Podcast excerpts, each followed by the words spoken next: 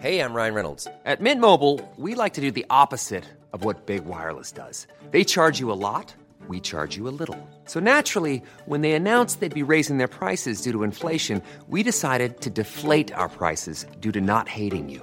That's right. We're cutting the price of Mint Unlimited from $30 a month to just $15 a month. Give it a try at mintmobile.com slash switch. $45 upfront for three months plus taxes and fees. Promo rate for new customers for limited time. Unlimited more than 40 gigabytes per month. Slows. Full terms at mintmobile.com. Hiring for your small business? If you're not looking for professionals on LinkedIn, you're looking in the wrong place. That's like looking for your car keys in a fish tank. LinkedIn helps you hire professionals you can't find anywhere else, even those who aren't actively searching for a new job but might be open to the perfect role. In a given month, over 70% of LinkedIn users don't even visit other leading job sites. So start looking in the right place. With LinkedIn, you can hire professionals like a professional. Post your free job on linkedin.com slash people today. Hey, it's Paige DeSorbo from Giggly Squad. High quality fashion without the price tag. Say hello to Quince. I'm snagging high-end essentials like cozy cashmere sweaters, sleek leather jackets, fine jewelry, and so much more. With Quince being 50 to 80% less than similar brands. And they partner with factories that prioritize safe, ethical, and responsible manufacturing. I love that. Luxury quality within reach. Go to quince.com slash style to get free shipping and 365-day returns on your next order. quince.com slash style. Hur går det på börsen och hur kan man agera kring sina aktieinvesteringar? Och hur vet man egentligen om det är ett bra köp eller säljläge? Ja, aktiesnack är på agendan i dagens Smarta Cash. Podden som peppar till en bättre ekonomi och rikare framtid med mig, Isabella Amadi.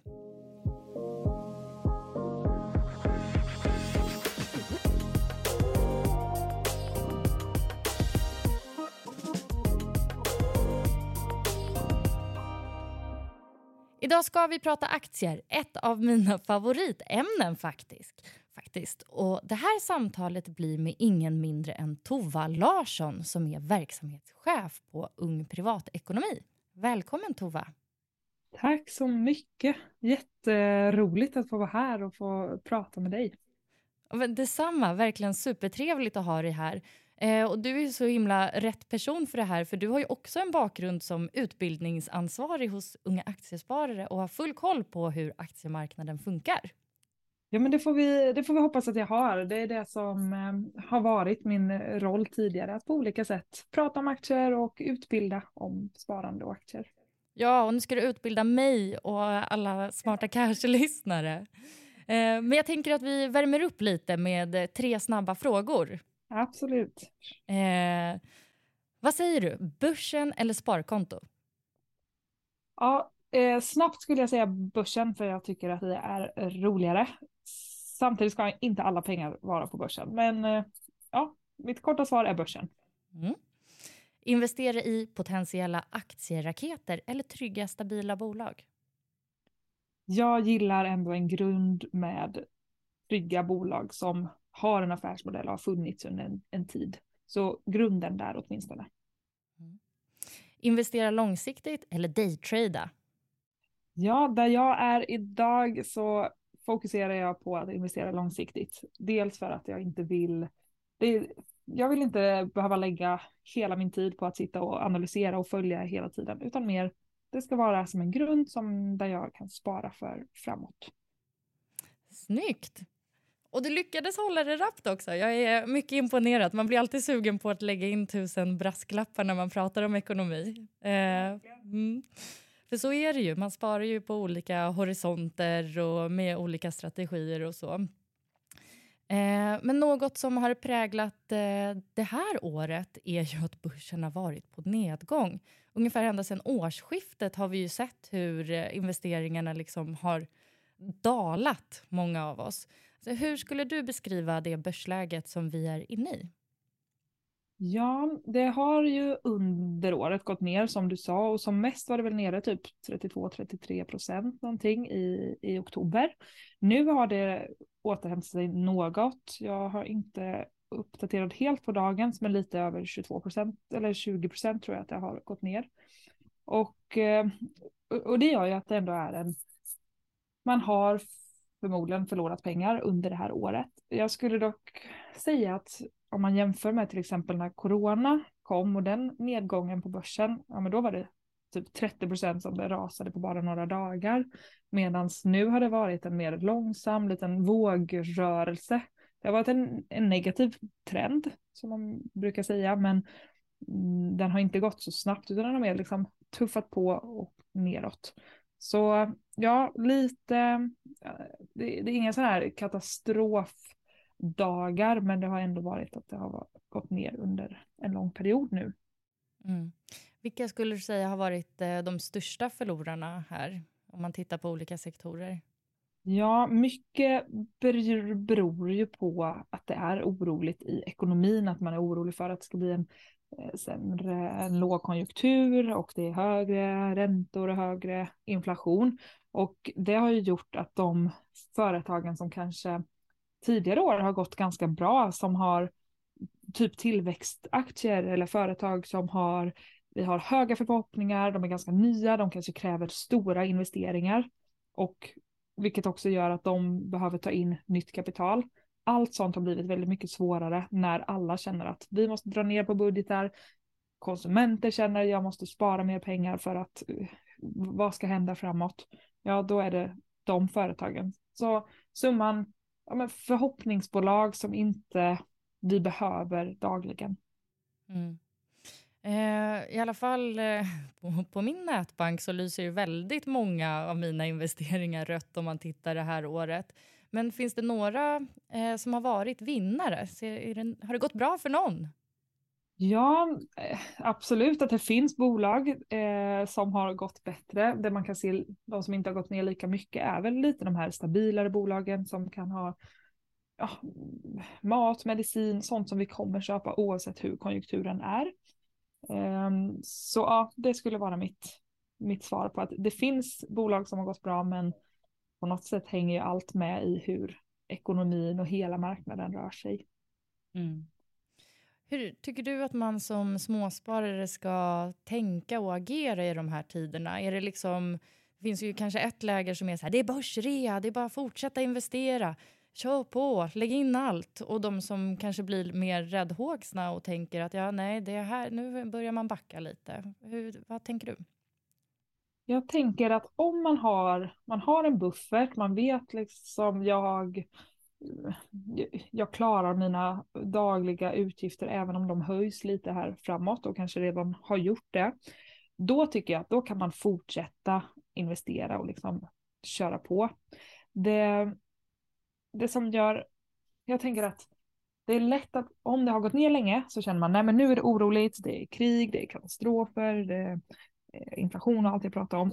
Så man känner nu kan jag inte börja. Men också tvärtom, om det har gått upp över en lång tid, då tänker man ja jag skulle börjat för fem år sedan. Och även då mm, så är det svårt att komma igång. Så jag tror mer på att börja smått och börja praktiskt för att få in den här vanan att investera och sen försöka hålla det där.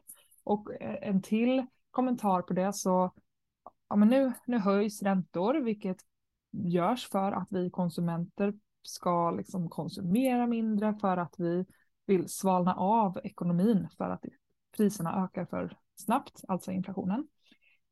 Och det första då som brukar ryka om man känner att ja, men nu har mina, jag har så höga kostnader, ja men det är att man minskar på sitt sparande. Men egentligen är det ju inte det som, om, om man istället kan kolla, har jag någon konsumtion som jag kanske inte riktigt behöver eller liksom, ja, att man kan bidra till att liksom sänka den här inflationen, det, ja, det, det lilla man kan, så tror jag att det är bättre för att det här sparandet behövs ju när kostnaderna blir högre. Ja, och om man då fortsätter investera slipper man bli så där efterklok som eh, man gärna blir när det handlar om aktiehandel. Ah, skulle ha sålt där på toppen, skulle ha köpt där på botten, skulle ha, skulle ha, borde ha. Ja, det är, det är lätt i efterhand. Det är ju det.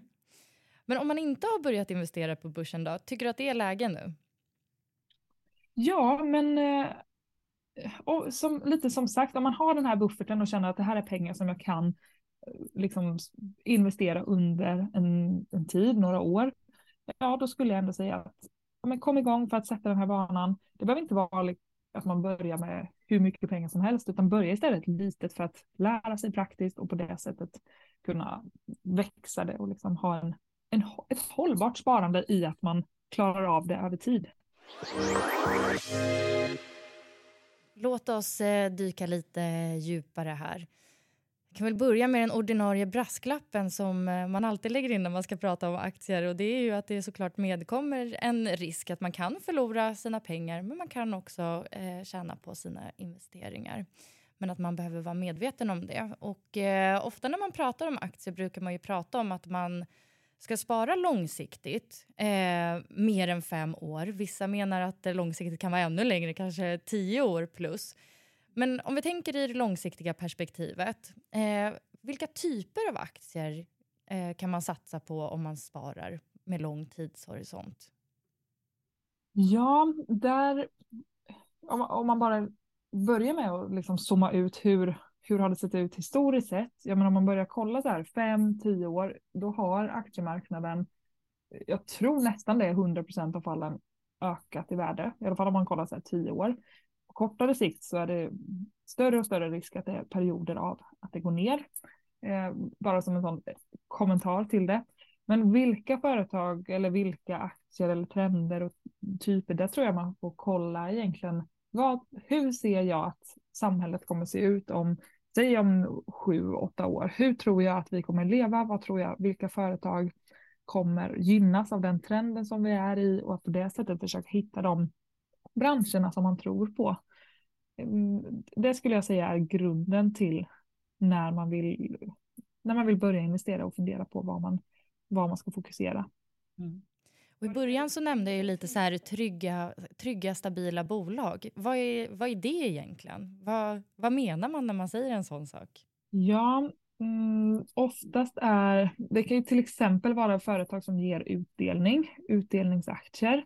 Ett bolag som har funnits under en lång tid, de har vuxit och nu kanske de är i ett läge där de, de kör på, de har sina kunder men det är inte samma fokus på tillväxt. Och då brukar de företagen välja att ge utdelning, alltså att de ger en del av sin vinst till sina aktieägare. Så det kan man ju se som lite mer stora stabila bolag, de som har möjlighet att ge den här utdelningen.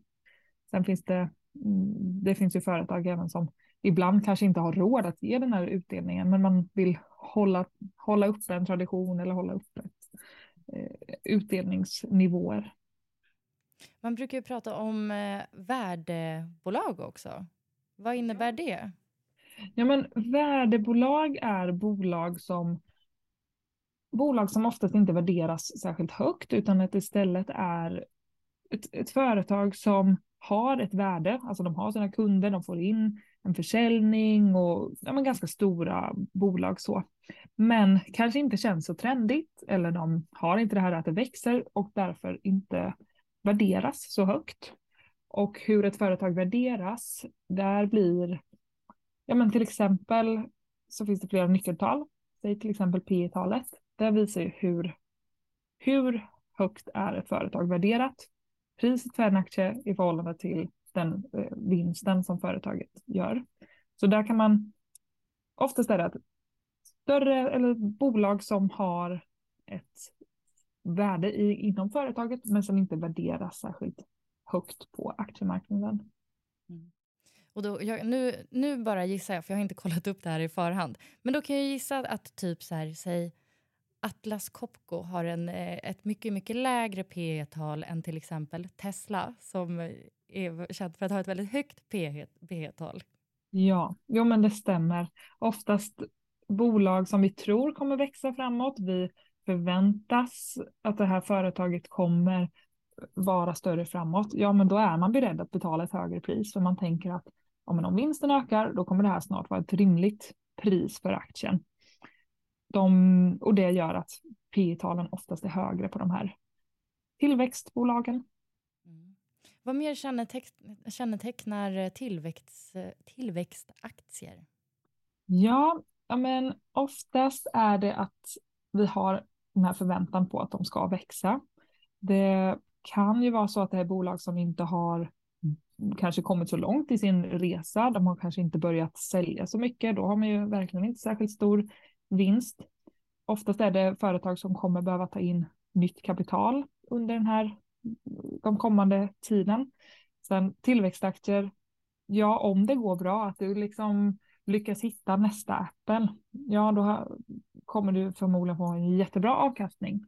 Men man tar också en större risk i och med att det är fler mindre bolag som, som inte överlever under lång tid och kanske speciellt då om det blir lågkonjunktur och folk stramar åt och känner att det är ja, att man blir, man blir rädd och dels inte vågar konsumera men också inte att investerare vågar investera i de här bolagen. Prick det alltså som har hänt med så mycket inom techsektorn då, om man jämför med hur jä jädrans bra det gick under, eller efter coronakraschen och hur det nu har eh, ja, dalat för dem. Verkligen.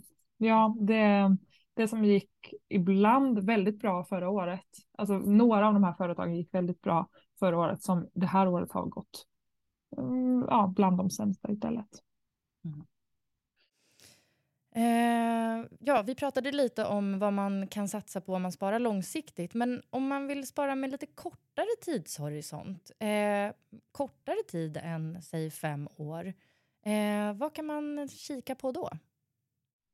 Ja, här, den är lite svårare för dels är frågan när, vilka pengar ska investeras på börsen först och främst?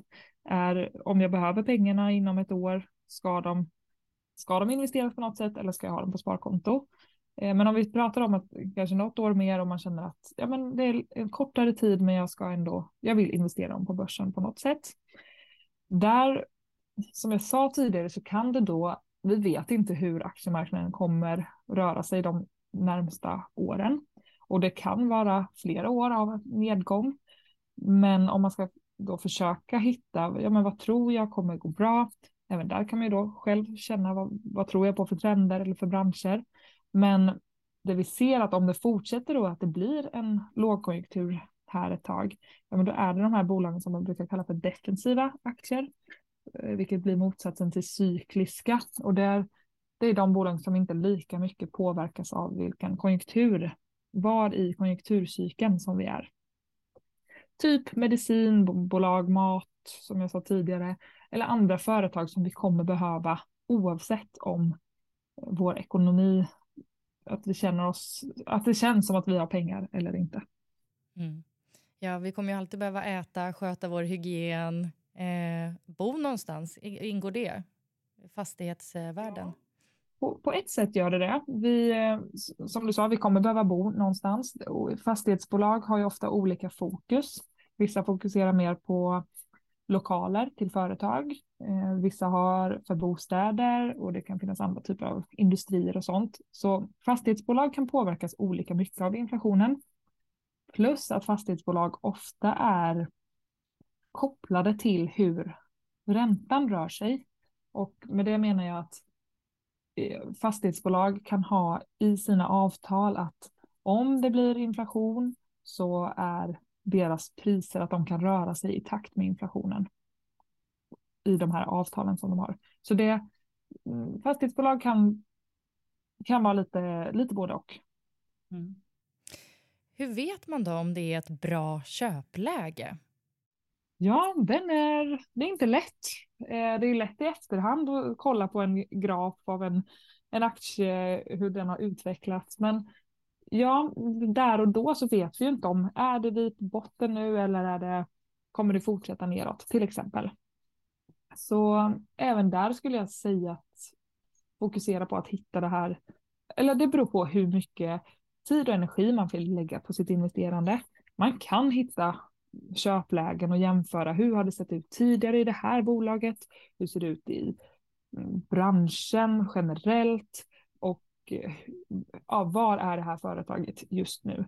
Men då kommer det ta ganska mycket tid och energi att liksom sitta och vara uppdaterad på det här. Och om man tycker det är kul kan det absolut vara ett, ett sätt. Men jag skulle också säga att om du månadssparar eller på ett annat sätt har en återkommande investerande så kommer du få ett bra snittpris utan att du behöver kolla, aha, är det bästa läget just nu? För då tror jag att risken är istället att man aldrig kommer igång eller tänker nej men det kan nog bli lite billigare och sen mm, så missar man eller glömmer bort eller så. Så inte tänka att man ska in med en engångssumma utan hellre välja ut då ett bolag som man tror på och investera mer regelbundet i det? Ja, det skulle jag säga och gärna eh, som vi ofta pratar om att ja, men inte bara ett bolag utan också liksom sprida det i flera olika branscher och olika företag och kanske även olika marknader om man, om man tycker det känns roligt. Vad ska man ta reda på då om en aktie eller ett bolag innan man går in i det? Ja, grunden tycker jag är att kolla på vad det här företaget gör. Förstår du vad de vad har de för produkt eller tjänst? Förstår du hur de kan ha någon försäljning, alltså vad är deras affärsmodell och var, var tjänar de sina pengar? Sen, eh, det, det skulle jag säga är grunden, för då kan du själv, om det förändras något i bolaget eller det kommer någon nyhet, så kan du själv göra en, en analys att ah, okej, okay, nu händer det här, hur kommer det här påverka det här företaget? Sen kan man även om man vill fortsätta hitta vilka företag är bra och vad, vad är det bästa till exempel. Ehm, så kan man genom att kolla i årsredovisningen och även bland nyckeltal jämföra mellan olika företag. Till exempel, hur har företaget utvecklats? Är de i en positiv trend? Ja, men det är större chans att ett bolag som har vuxit tidigare kommer fortsätta göra det eller har en en aktie som har gått bra tidigare, då är det större sannolikhet att även den kommer fortsätta gå bra. Även om det såklart inte är en garanti. Men att kolla hur utvecklas företaget? Både i liksom omsättning men också hur är deras kostnader eller belåning och så.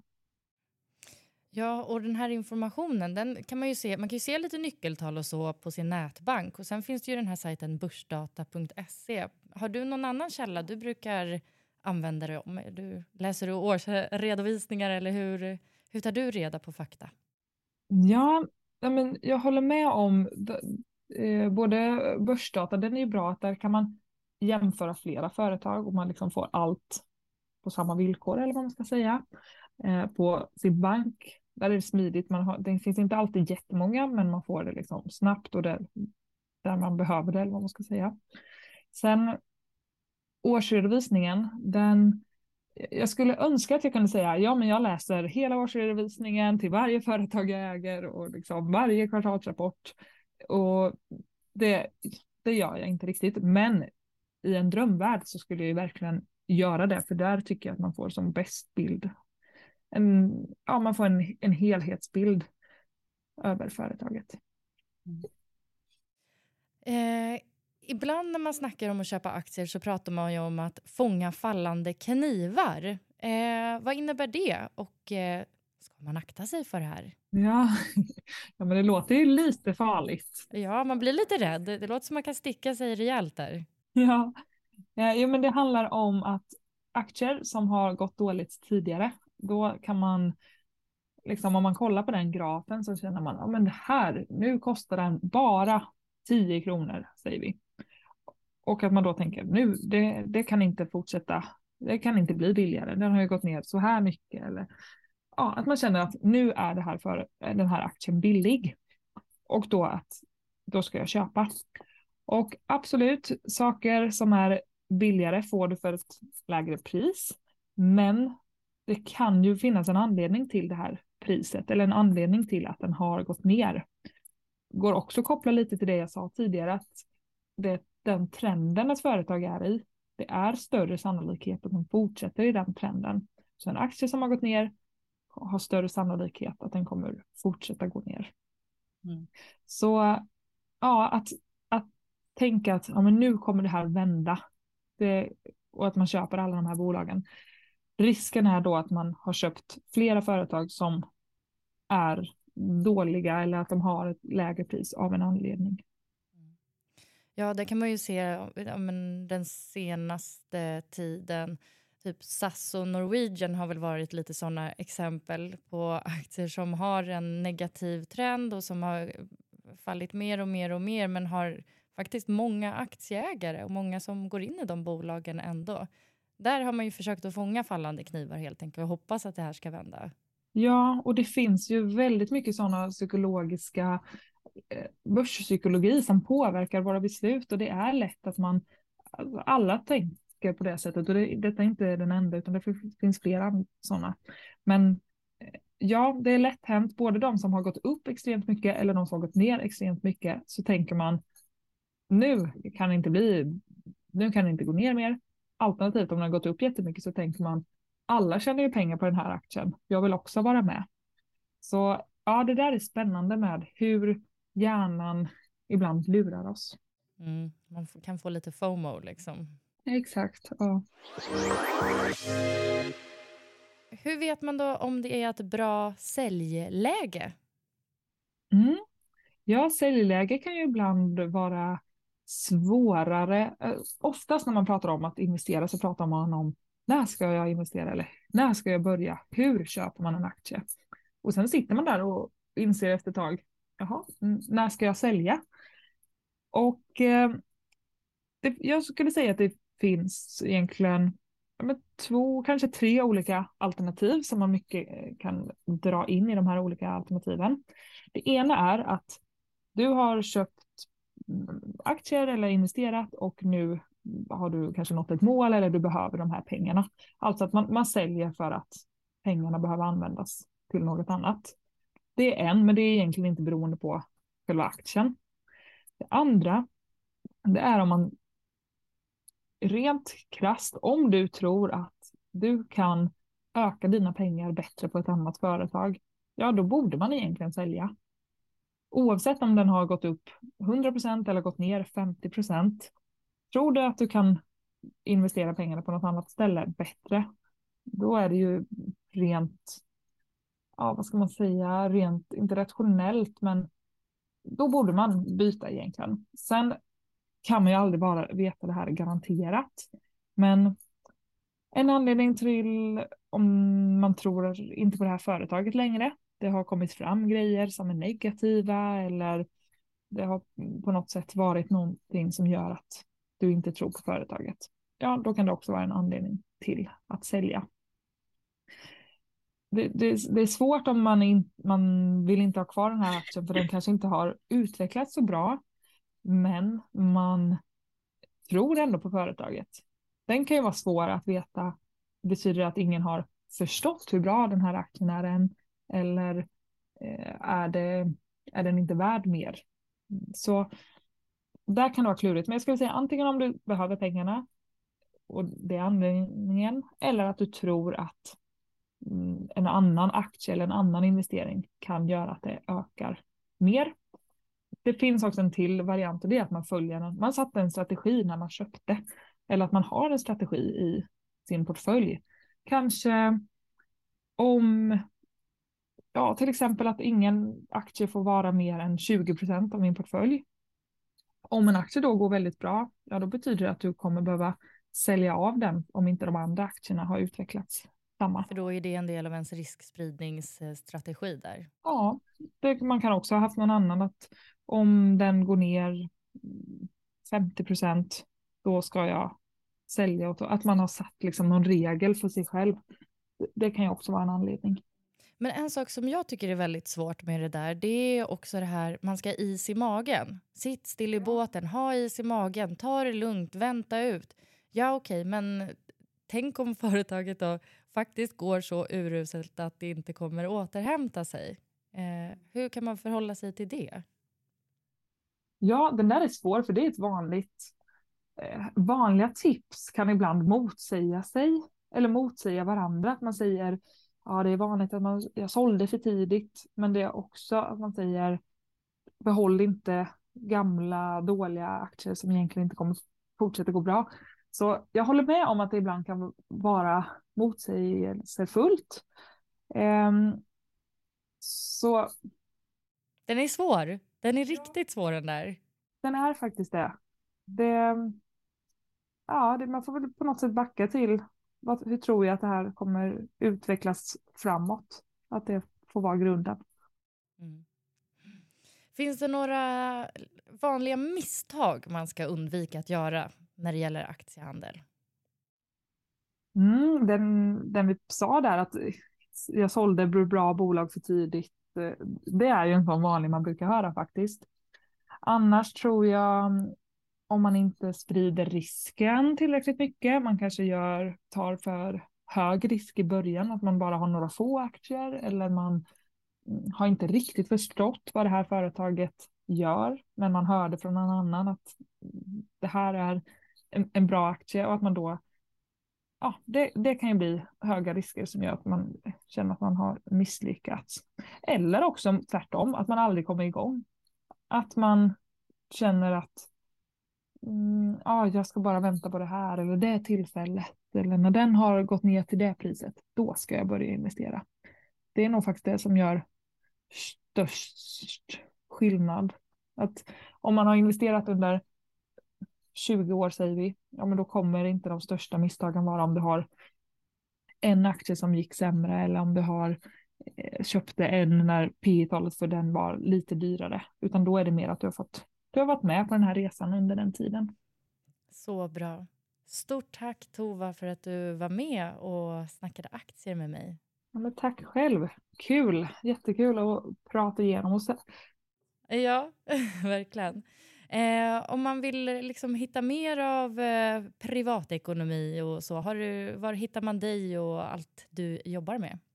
Ja, eh, dels kan man kolla Ung Privatekonomi på alla sociala medier som man hittar. Vi också samarbetar en del med unga aktiesparare som jag precis pratade om, så där finns ju också mycket på om man vill se de här utbildningarna och kunskapen på det sättet. Det finns också TikTok och sånt. Och eh, mig privat kan man också hitta på LinkedIn eller Instagram på Tova Larsson. Kanon! Och den här podden hittar man ju på Instagram som Smarta Cash Podcast och jag har en mail man kan skriva till också med tips på gäster eller frågor eller ämnen som jag borde ta upp. smartacashpodcast@gmail.com är det. Jättestort tack till dig som har lyssnat på det här. Hej då!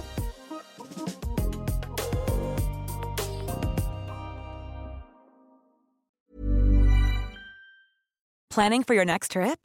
Elevate your travel style with Quince. Quince has all the jet setting essentials you'll want for your next getaway, like European linen, premium luggage options, buttery soft Italian leather bags, and so much more. And is all priced at 50 to 80% less than similar brands. Plus, Quince only works with factories that use safe and ethical manufacturing practices.